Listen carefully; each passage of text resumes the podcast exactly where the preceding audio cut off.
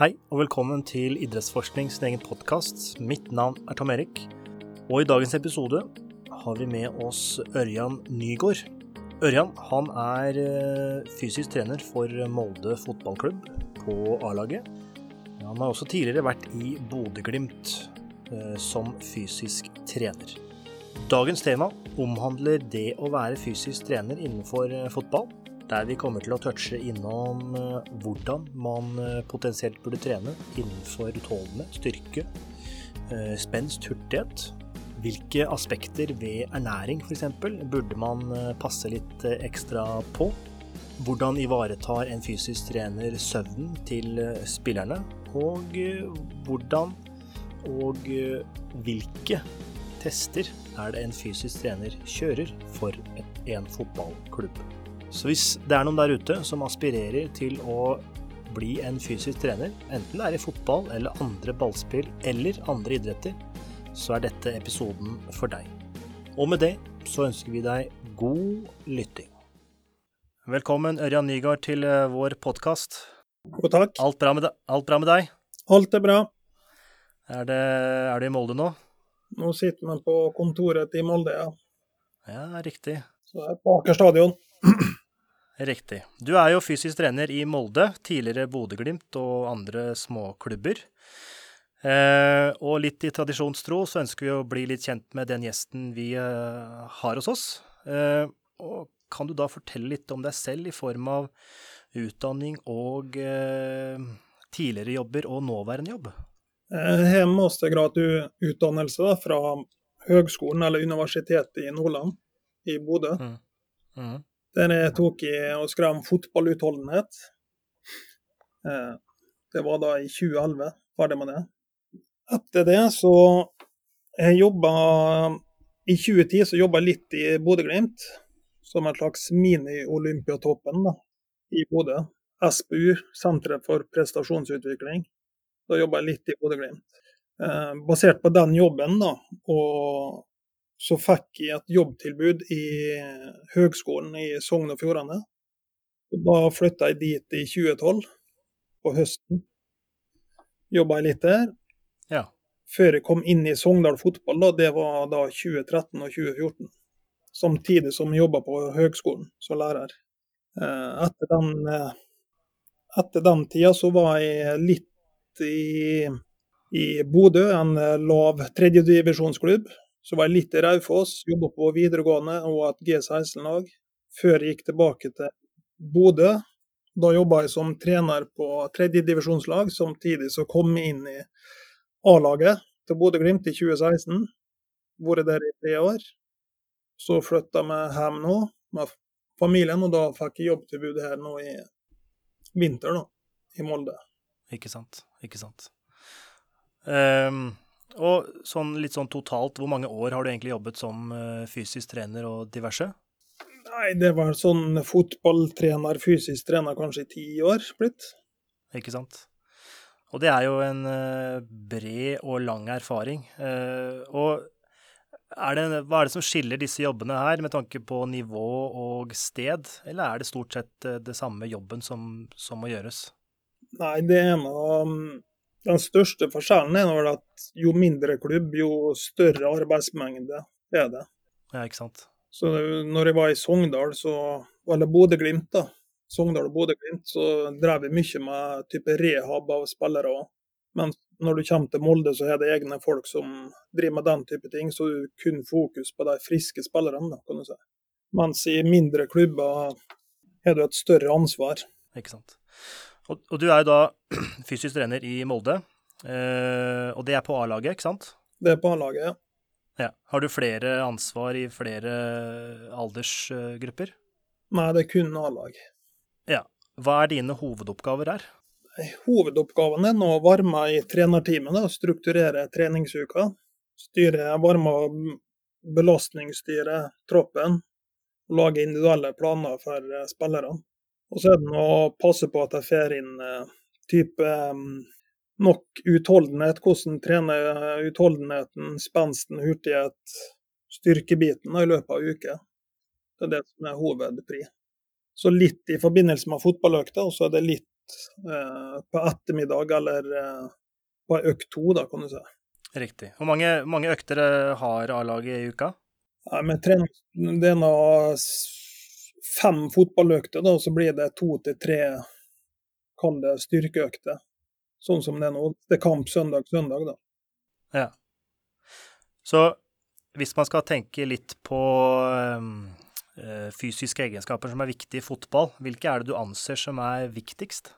Det viktigste fysiske det er en stort spørsmål. Det, oppi mitt der så er det å følge øh, hovedtrenerens spillprinsipp. Og når du gjør det, da, så du Da går det mye på utholdenhet. Mm. Og uh, innenfor utholdenhet så vil jeg også kategorisere repetert sprint, f.eks. Det vil altså utholdenhet, evnen til å opprettholde spillestilen som fotballtreneren vil ha av spillerne. Mm. Og gjøre den så hurtig som mulig, så ofte som mulig, gjennom 90 minutter. Eller eventuelt ei treningsøkt. Mm. Og hvordan er det da dere jobber med utholdenhet når dere har eh, fem fotballøkter og to til tre styrkeøkter? Gjør dere da utholdenhetstreninga innad i fotballtreninga? Ja, da prøver man å få mest mulig det gjennom spill. Eller egne øvelser, det er der du kanskje vil påvirke um, høyhastighetsløp. At du lager øvelser som går på det, eller repetert sprint. Eh, men du prøver å lage øvelser som gjør at du kan spille hurtigere fotball, og så lager du øvelser eller spill der du kan holde på lenger da, trene spesifikt evnen til å spille hurtigere fotball, eller å stå lengre kamper. Da. At du ikke blir sliten etter 60, men at du står 90 minutter. Riktig. Og er det noe uh, Sesongen starta jo, eller preseason starta jo i januar, og sesongstart i april, er det ikke det? Ja. Uh, endrer dette fokuset på utholdenhet seg gjennom sesongen, og i så fall hvordan? Ja, i, når jeg kom til Molde, så var det litt annerledes enn jeg har vært vant med tidligere. da. Mm. Så her var det litt mer mengde. Eh, så, så her kjører vi litt mer mengde. Kan du si det er sånn klassisk paradisering, der det går fra mengde til intensitet. Ikke sant? Så i starten var det litt mer fokus på det, før vi går over til mer sånn intensiv uh, spilldel. da. Så hvordan så utholdenhetstreninga i eh, januar ut? Var det dribleløype, var det fem mot fem, eller? Nei, mer større, større spill, da. Kall det 11 mot 11-spillet kontra 4 mot 4. Ikke sant. Så at du spiller på større områder, og så spiller du lengre eh, kamper. Mm. Så det blir ekstensive intervaller, da, kan du si. Mm. Er da hensikten med, den, med disse øktene å øke de sentrale faktorene, som altså de store VO2max og eh, den slags? Ja, Um, jeg bruker ikke å snakke slik, da, men det å evnen til å, å spille fotball, hurtig fotball over lengre tid, vil jeg kalle det. Så istedenfor å være god på å spille fotball i 60 minutter, så prøver man å øke sånn at vi kan spille god fotball i 90 minutter. Og da spiller du Du gjør det samme, du spiller storbanefotball, men så prøver du bare å pushe tida. Mm sånn at du klarer å øke og øke. Riktig. Kontrollerer dere det på noen måte for å se progresjon, slik at de kan faktisk holde eh, den spillestilen i 90 minutter? Vi prøver å se på sånn GPS-tall og den type ting, da. men vi har, ikke, vi har ikke noe sånn fasitsvar på om vi klarer å gjøre det eller ikke. Det blir mye sånn eh, å se det eh, Ser vi om spillerne klarer å opprettholde intensiteten eller ikke. Så hvis vi ser at, den, eh, at intensiteten detter, så da kan vi Det er mer den type ting, da, med at vi har 100% svar i GPS-måling, for å si det sånn. Da. Ja, ja, ja. Absolutt. Eh, og eh, fra å spille store eller 11 eh, mot 11. Eh, og når vi beveger oss inn i nå i slutten av februar og inn mot mars, hvordan endrer dette utholdenhetstreningsfokuset i fotballen seg? Nå går man da ganske kjapt inn i syklus der man må spille to kamper i uka. Og da å prøve å forberede spillerne på å kunne tåle det. da. At man kan spille søndag, onsdag, søndag, onsdag. Hvis treneren velger å bruke de spillerne. da. Og da å prøve å få um, alle spillerne til å kunne tåle den belastninga som da vil bli påført. Og da er det å prøve å få i løpet av ei treningsuke, sånn at du har en kamp i midtuka, en load. Og så har du en kamp på helg. Så da er det å prøve, hvis du spiller f.eks. 45 minutter på en søndag, så må vi prøve å få spillerne enten via ei ekstra trening eller springing etter kamp og få 90 minutter kampbelastning, og så prøver vi å få det på som oftest to treningsdager da, i midtuka. At det da er oppe i den loaden som en kamp vil da gi. Ja. ja. Og det, det, går litt på dette med at man må ha eh, eh nok treningsbelastning, som du sier. Eh, og før vi gikk på lufta, så nevnte du at du brukte Eller dere monitorerte treningsbelastning. Eh, kan du si noe litt om det, hvordan dere gjør det i så fall? Ja, Vi bruker GPS på hver, eh, hver økt. Mm. da sitter en, eh, en med GPS, og så gir han tallene over til meg. Mm. Og det gjør han som oftest etter første skikkelige treningsdag da, i uka. Og basert på den så ser vi hva en spiller trenger, da. eller hva vi trenger dagen etterpå.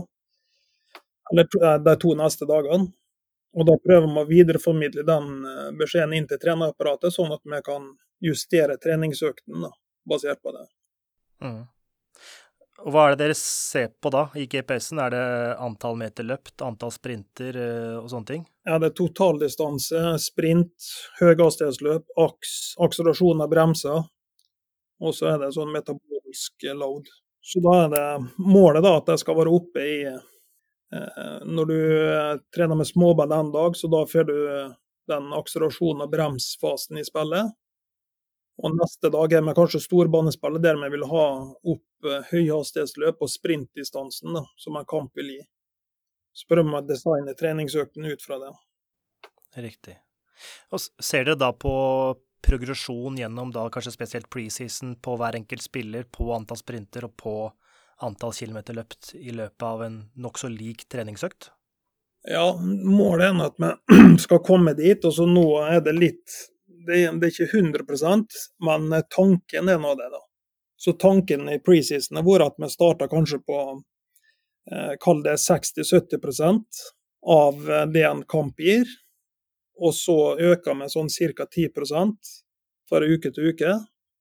Og så er målet at vi skal da etter hvert begynne å, eh, å ja, Det er det sånn at, alle, at vi må bli bedre trent. Så da prøve å justere eh, Analysere GPS-tallene bedre, da.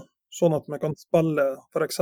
hurtigere fotball på småbanedagen eller det å prøve å øke treningstida på storbanedagen enda mer, da. Sånn at vi blir bedre trent.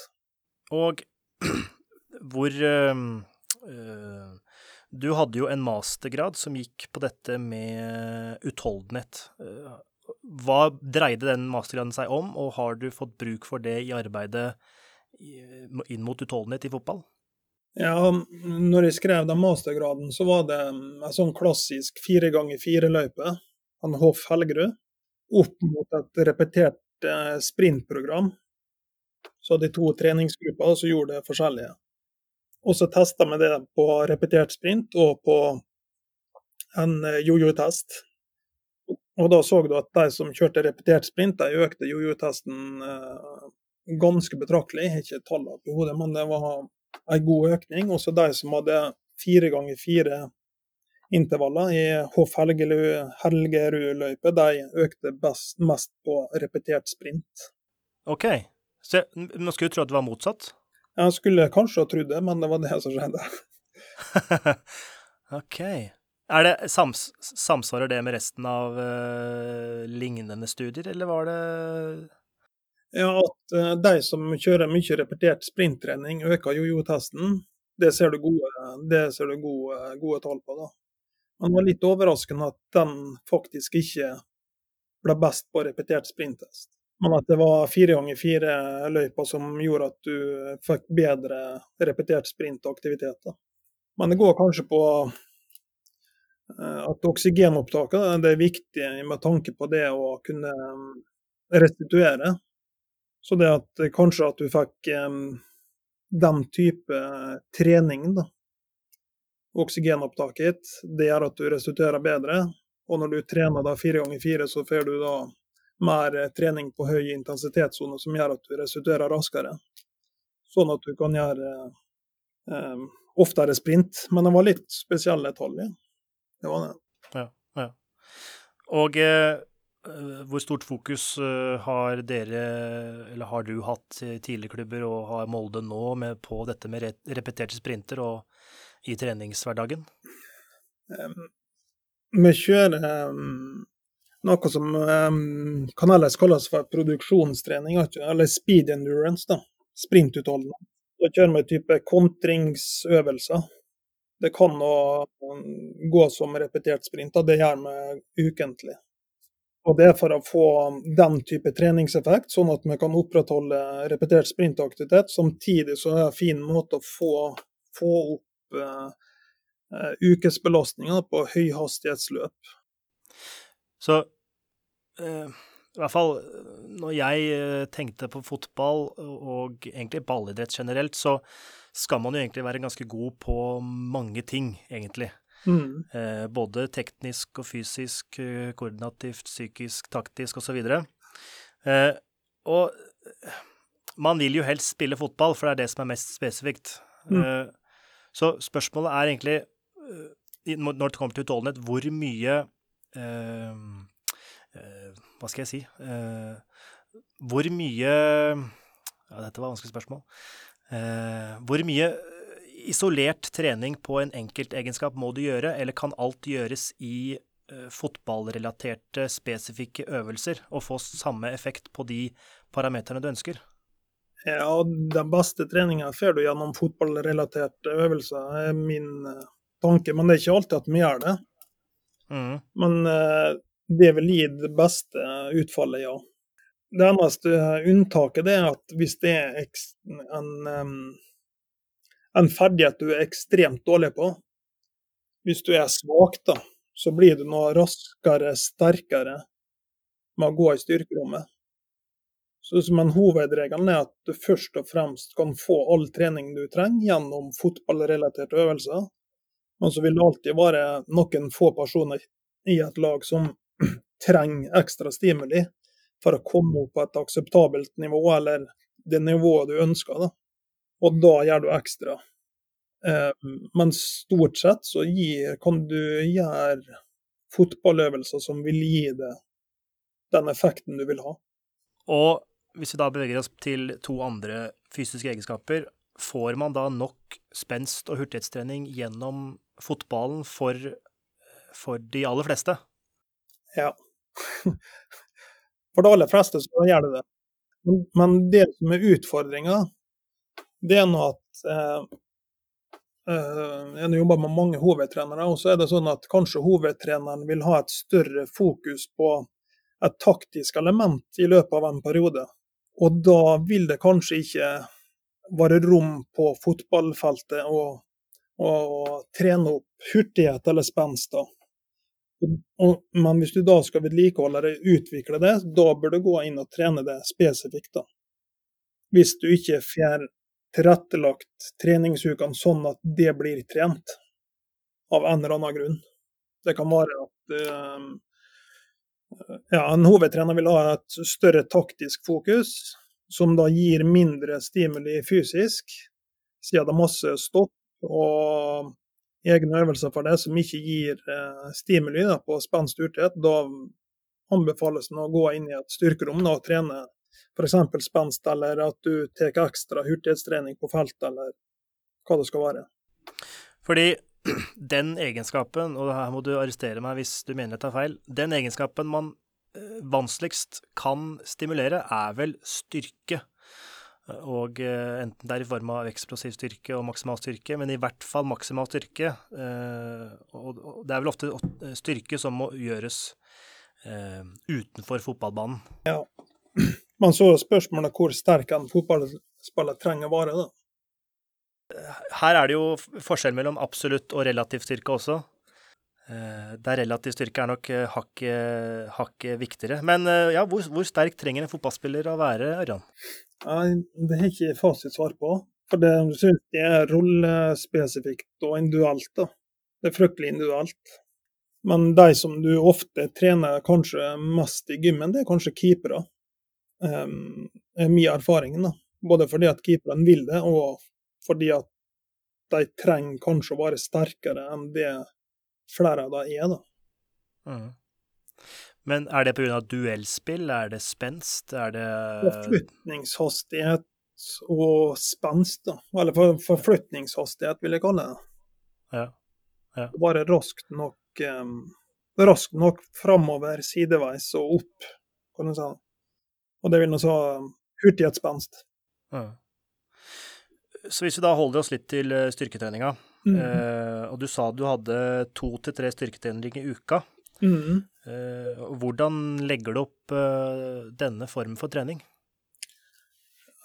Vi har gjort um, Det er litt nytt fra det jeg har gjort før, men um, noe som jeg har hatt ofte én til to styrkeøkter på bein. Noe går på litt sånn type skadeforebyggende, og så er noe på prestasjon. da. Og når jeg sier prestasjon, så er det et ønske om at de vi ser er f.eks. Um, lav på type spenst, hurtighetsparameter, så prøver vi å få opp styrken på den, de spillerne i håp om at vi da får dem raskere da, i en akselerasjonsfase. Eller eh, type agility da, ute på banen. At de forflytter seg raskt i, i nærområdet. da. Hvordan uh, trening er vi snakker om da? Snakker vi tunge vekter, få repetisjoner, mediumvekter, tolv repetisjoner? Ja, da er det ofte tungt. Mellom fire og åtte repetisjoner, da. Riktig. Så jeg vil kalle det, det er en eh, sånn uh, maksstyrke-type hypotrofitrening. Ja, ja. Og er det noe forskjell eh, i metode med tanke på alder eller posisjon? Um, det går mye på individet, da.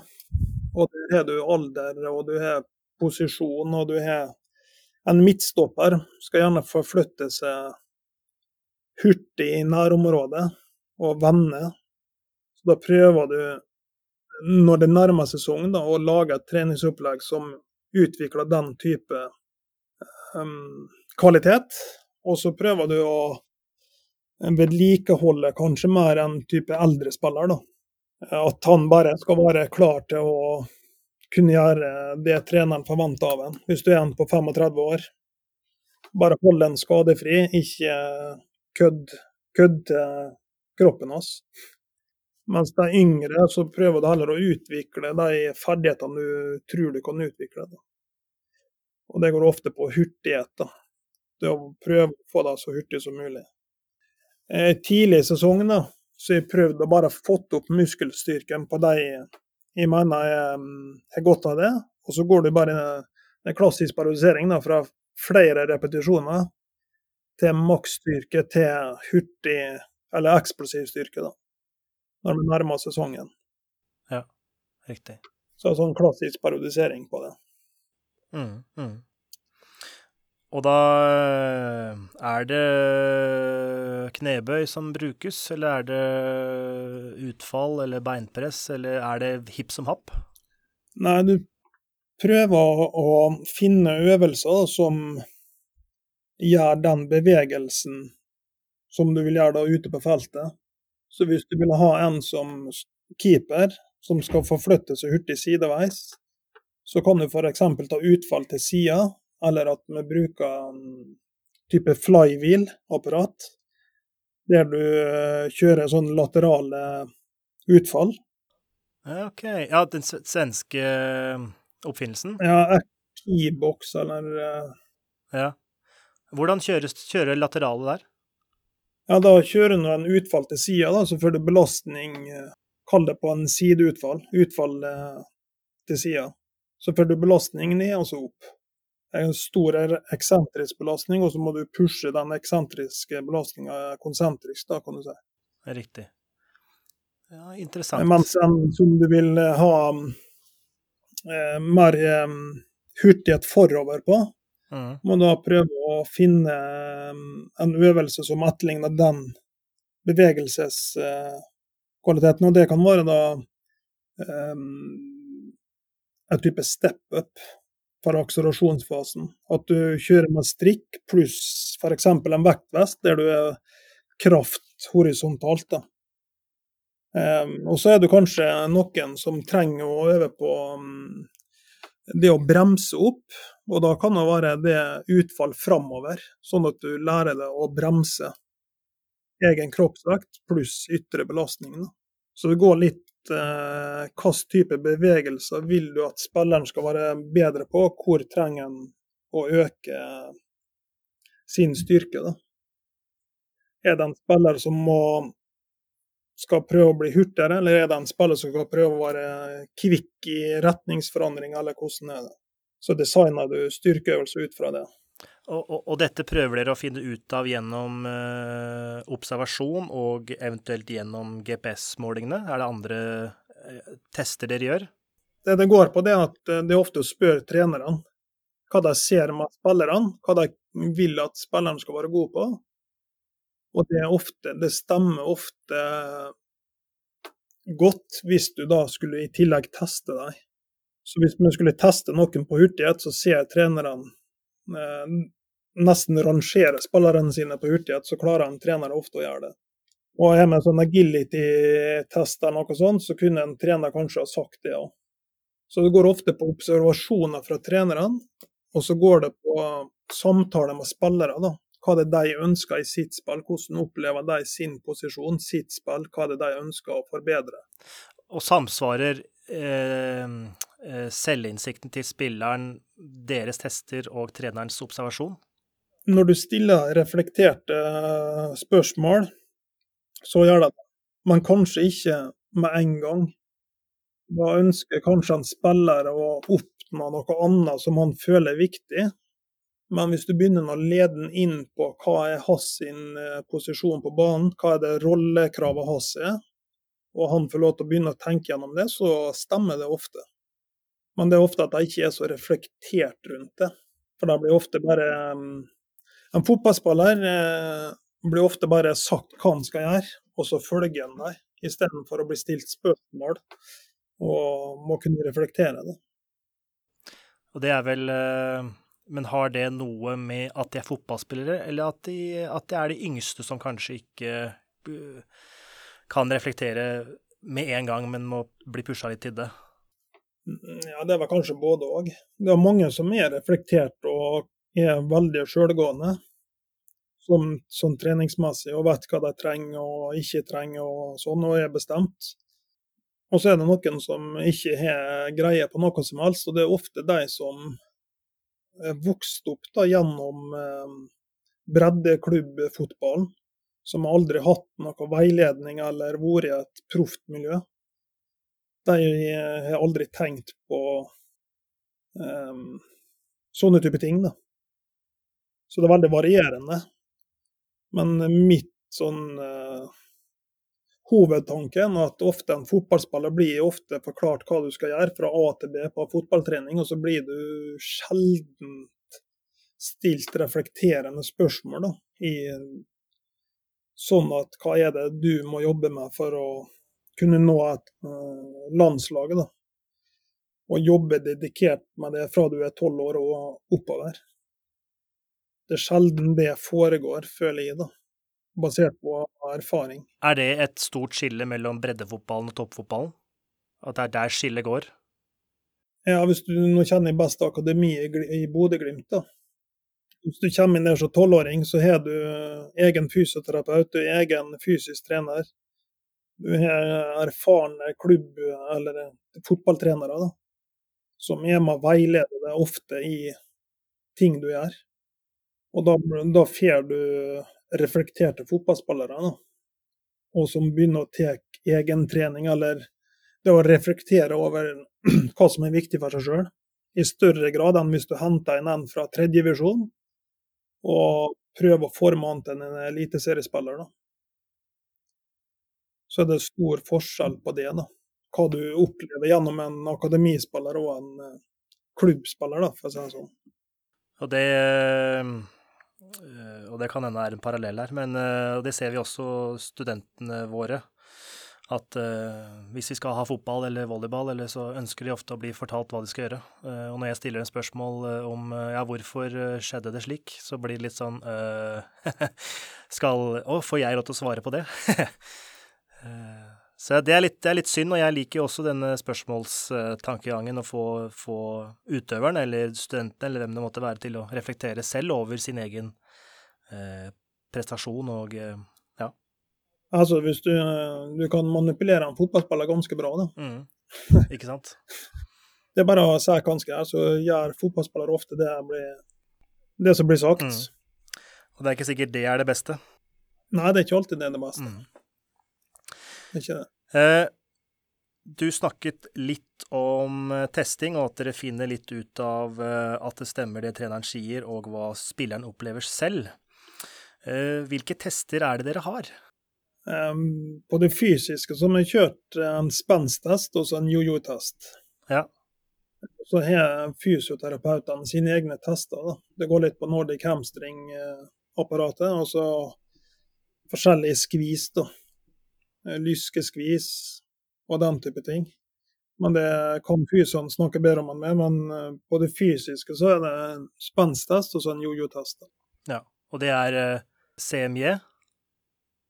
Ja. Altså hopp med, med CMJ. Ja, hopp med ja, uten armsving, eller hoftefeste.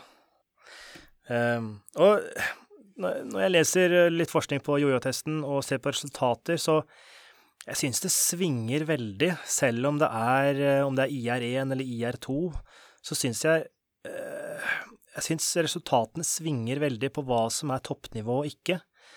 Eh, men hva er det dere opererer med? Er det 1000 til 1200, eller selvfølgelig avhengig av posisjon, men eh, hva er det, som, hva er det dere går ut ifra? Det, det, viktigste nesten en jojo-test kan dekke av, det vi testene nå kun i januar med. Vi tester ikke senere enn det. Det er riktig. Så på første treningsøkt hadde jojo-test. Og for min sin del så er det nesten det viktigste å se om de er godt nok trent til å gå inn i full treningssyklus med førstelaget. Mm. Og da setter man standard på at det må være over 1000 meter, da. Ja. Dere IE satte en standard på det. Ja. Alle posisjoner? Ja. Og det tester IR2? IR2, IR2 ja. Så hvis du under det, så kan ting tyde på, da, basert på erfaring, at, at de kan være obs på den spilleren med tanke på load, da, totalload, i ukene framover. Men selvfølgelig så er posisjonsavhengig. Er det en stopper som er på 900 meter, så går det helt sikkert fint.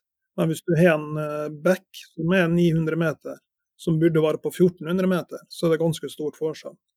Og da må du eh, tilpasse det da, til han eh, er oppå det nivået.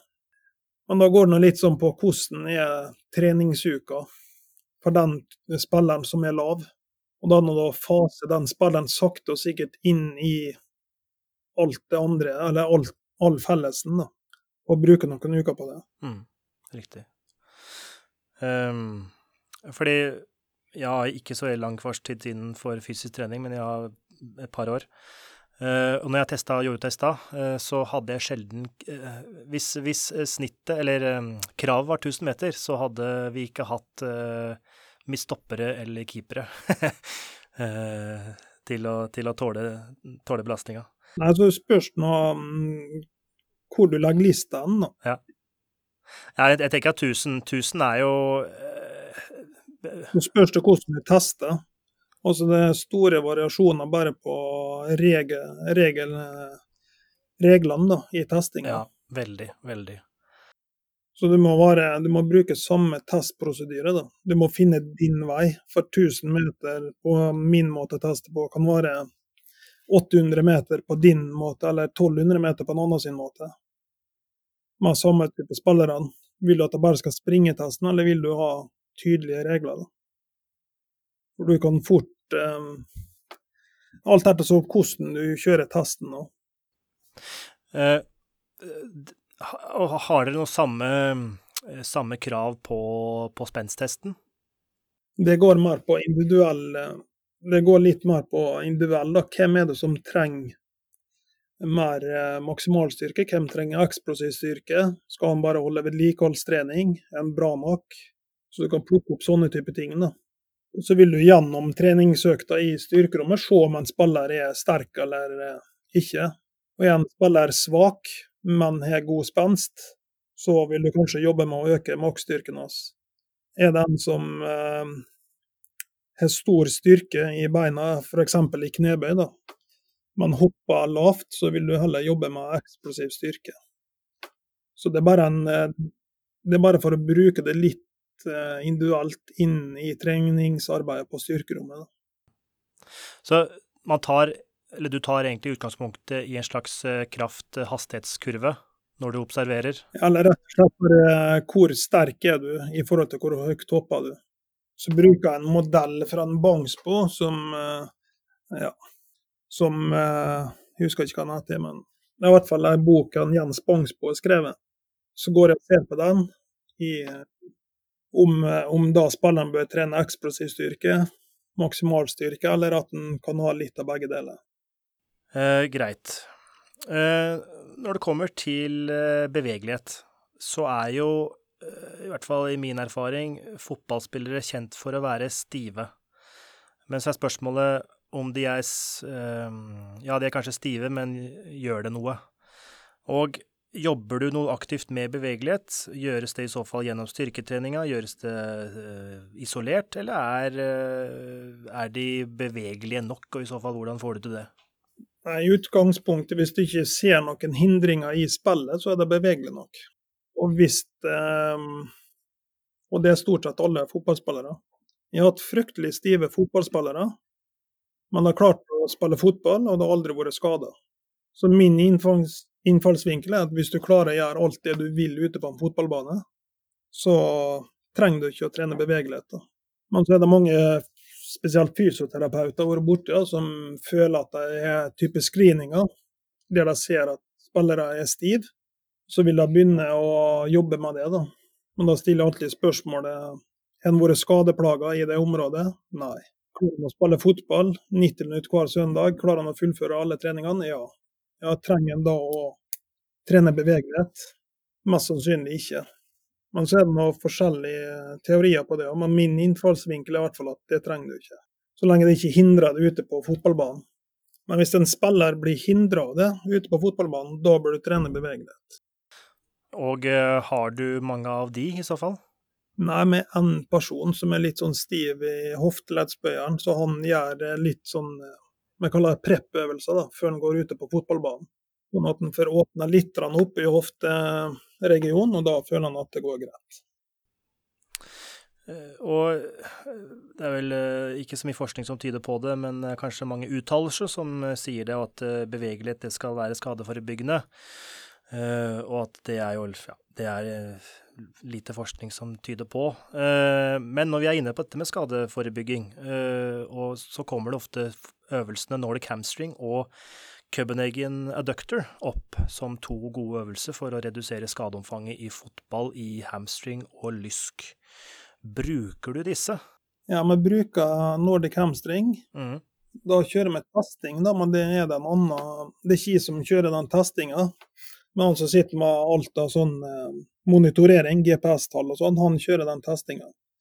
Så da har vi et mål på hver måned om det er like riktig styrke, da på Nordic hamstring, eller om det bør øke, eller eh, okay. om det er sterkt nok, rett og slett. Vet du hvordan det måles i så fall, eller? Ja, det er nok på Nordboard. På? Nordboard. Nordboard? Bruker som Ja, det har jeg ikke hørt om. Hva, veit du, eller kan du si noe om hva det er for noe? ja, da får du ut uh, den krafta du produserer, da. Så du, du ligger i en Nordic hamstring-apparat, og så får du opp den krafta den spilleren klarer å utvikle i en Nordic Camp.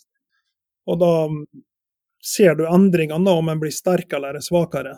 Og Målet er at vi i hvert fall ikke skal bli svakere, men så er det ikke alltid at kampprogrammet vårt tillater oss å trene Nordic hamstring, f.eks. Og Da kan det være bare en liten test for å se om vi bør legge inn styrke, eller at det er greit at vi ikke gjør det. Og så er det også i, i det vi kaller prep, da med 20 minutter prep, kall det oppvarming, skadeforebyggende trening, det kjøres hver dag. Og der har vi nå den adduktorøvelsen, da. Den Copenhagen. Så kjører vi eh, øvelser på lyske, hamstring, sete hver dag. Men da veldig lett og mange repetisjoner, eller hvordan? På den adduktor kan jeg velge sjøl belastning da, i slynge. Om de vil ha slynga tett inn mot hofta, eller om de vil legge den helt ned på anklekula, så kjører de den eh, adduktor Copenhagen. Og Det samme går nå litt på type um, hamstringkøl og i slynge. da. Så kan de velge litt eh, arbeidsbelastninger sjøl. Men det kjøres hver dag, og det kan være sånn én til to serier på hvert bein før de går ut og er fotballtrening. Og øh, hvordan er skadeomfanget i Molde? Har det holdt seg stabilt, eller øh, ja? Nei, utenom eh, caser som en vet om, så har det vært lite, da. Det er lite skader. Og de to siste åra etter det begynte Nå kommer det inn ny, da, så jeg har ikke så god oversikt over det. Men i hvert fall så har jeg sett noen rapporter at skadeomfanget har gått eh, ned, nedover de siste åra, med tanke på at de har strukturert, eh, strukturert det bra. Med tanke på type prep, periodisering av treningsuker, eh, styrketrening og den type ting. Da. Og det å bruke GPS-system og bruke de eh, testene som fysioterapeutene kjører i januar. Og det å lage et opplegg som passer til de testresultatene som de finner ut av. Og så er hovedtreneren flink på å lytte på teamet sitt. Så hvis det er spillere som sliter med en ankel eller en eh, hamstring eller hva det skal være, så er det så er trenerne positive da, til å ta ned belastninga eller ta det ut av fotballtrening, sånn at det ikke blir verre. Så da hindrer du ofte de langvarige skadene med å ta spillerne ut når du ser faresignal. Ja, ja. Det tror jeg er veldig lurt. Eh, dette er jo ting eh, som du har kontroll på, dette med testing og trening som gjøres på feltet eller eh, innad i stadion eller hvor det enn måtte være. Men så er det jo ting som dere ikke har 100% kontroll over, og det vil jo være ernæring og søvn blant annet. Gjøres det noe grep rundt dette? Ja, i år så er det ansatt um, ernæringsfysiolog da, fra Olympiatoppen. OK, wow. Så hun er faktisk i dag òg, så er hun samtale med alle spillerne som, eh, som de har funnet ut av, eller som hun finner ut av, som hun trenger samtale med, så har hun samtale med dem i dag. Og Det er basert på DEXA-screening. Så da lager hun kostholdsopplegg for hele uka, hele laget. da, Som hun sender til fysioterapeuten og kokken som Molde da har. Så da får kokken eh, et forslag på mat i løpet av treningsuke. Når, når, skal det være masse karbon, når skal det være mer protein, eh, den type ting. Og så har hun individuelle planer da, for de som trenger, trenger litt ekstra mat, eller de som trenger litt mindre mat. Ja, Det høres veldig, veldig profesjonelt ut. Men hun er ikke der på 100% basis? Nei, hun er på um, ei lita stilling, da men hun sender ut. Men det blir folk bra opp, så du får um, ganske bra kontroll. da. Og så er kokken i Molde utrolig flink Da, å være tante. Og tante hun kan eh, gjerne ordne mat som spillerne har med seg hjem. da. Spesielt de litt ah. yngre. Ikke sant? Så de får med seg matpakker hjem. da. Middager og den type ting. Så hun ordner mye med maten å gjøre, da.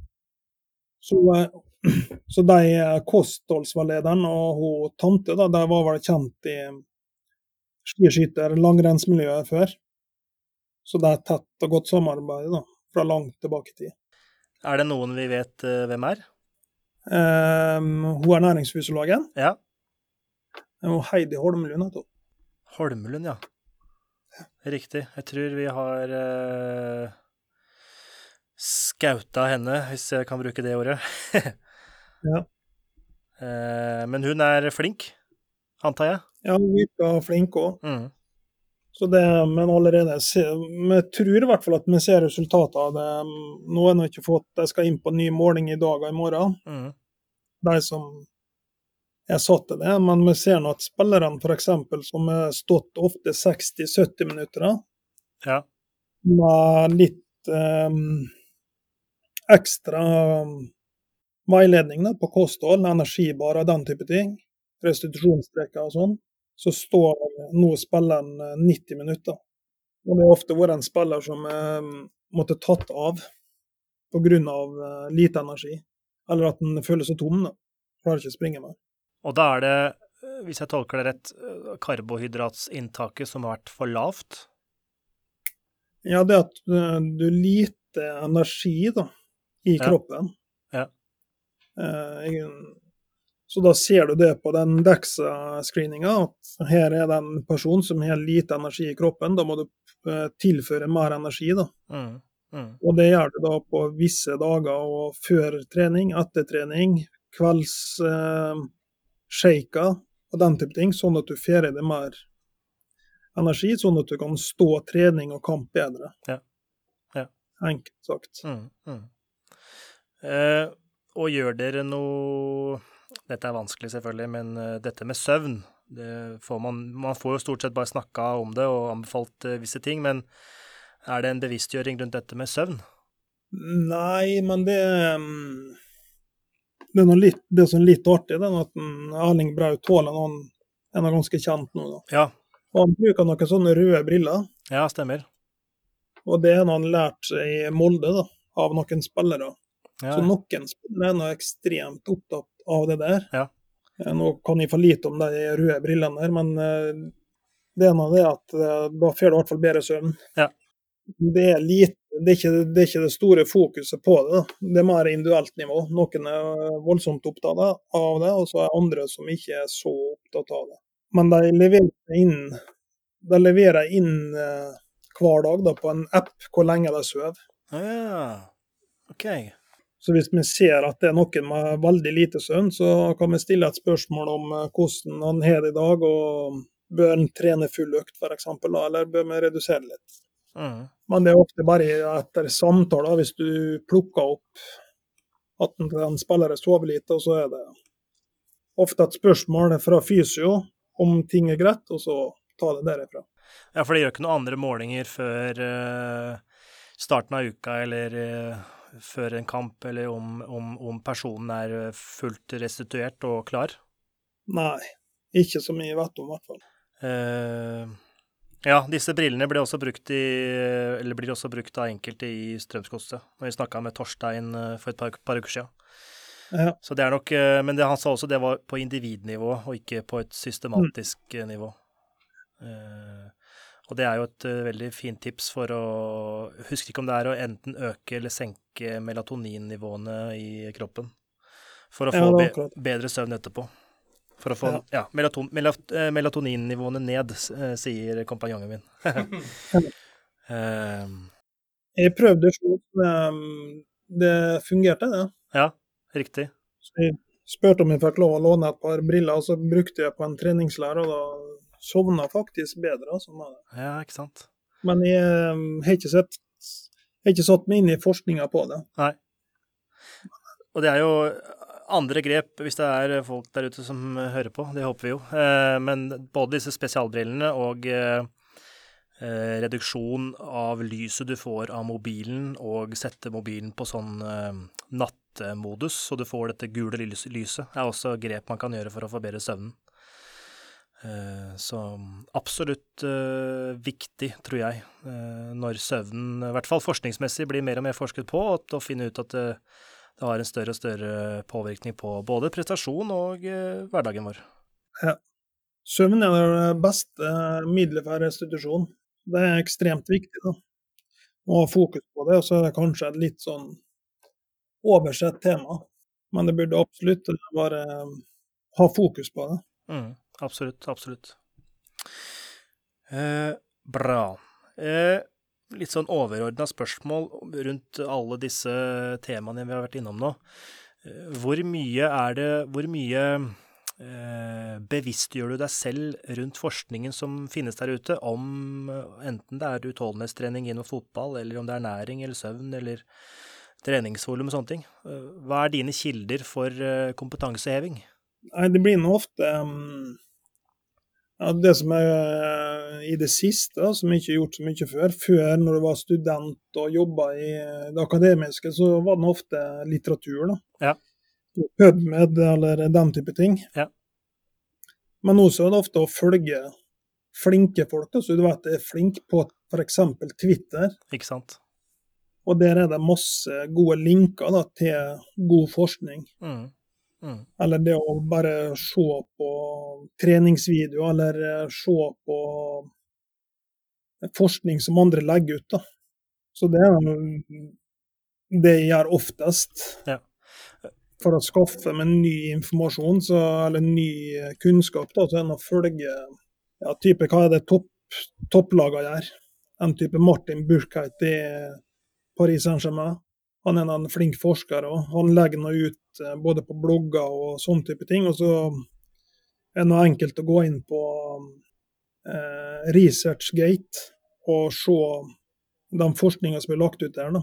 Hvis du føler at det her var interessant og vil lese mer, så er det bare å skrive inn en artikkelforfatter, så får du opp det du vil ha. Så ligger det ofte åpent ute der. Og er det flere enn han du nevnte som du vil anbefale? Hvis de absolutt vil anbefale noe, så er det noe å fare på kurs med Raymond Terreien.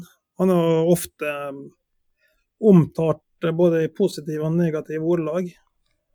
Ja. Men jeg har aldri møtt noen som er så flink på å forklare en kompleks idrett som fotball så enkelt. Men da vil jeg anbefale å ha et lengre kurs med han. da. Men eh, som person eller som foredragsholder så kan han være ganske krass hvis du drar på et endagskurs. Da skjønner at mange sliter litt med han. Men hvis du eh, er på kurs med han over ei ukes tid, så vil du eh, komme med utrolig mye god kunnskap tilbake igjen. Okay. Så det å kjøpe hans periodiseringsbok, f.eks., hvis du har lyst til å lære om periodisering, så er det den beste boka. For å få et objektivt eh, bilde av fotball. Men så kan du ikke bare kopiere det han gjør i en verden, fordi da er det ofte hovedtreneren som legger rammene for det. Da kan du ikke kjøre en Verheyen-modell, men du kan ta med deg prinsippene til den, da, som jeg syns er fin. Som gir deg en uh, stor og god forståelse av fotballfysikk. Da. Men du har nå um, Adam Oven, Javier Mayo, har mange gode bøker og artikler. Tony Strødviken har en god bok. altså Det er mange som har mange gode ting. Men å se helheten, helheten i det, eh, enkelt forklart, så er en Raymond Ferreiden eh, den beste jeg noen gang har vært på. OK. Ja. Det er noe å ta med seg. Eh, Føler du at du har fått sagt det du skal si, eh, Ørjan? Vi begynner å nærme oss eh, litt eh, slutten her. Er det noe du har lyst til å si helt på tampen? Um, nei, på en måte ikke. På en måte ja, men da tror jeg det tar så lang tid.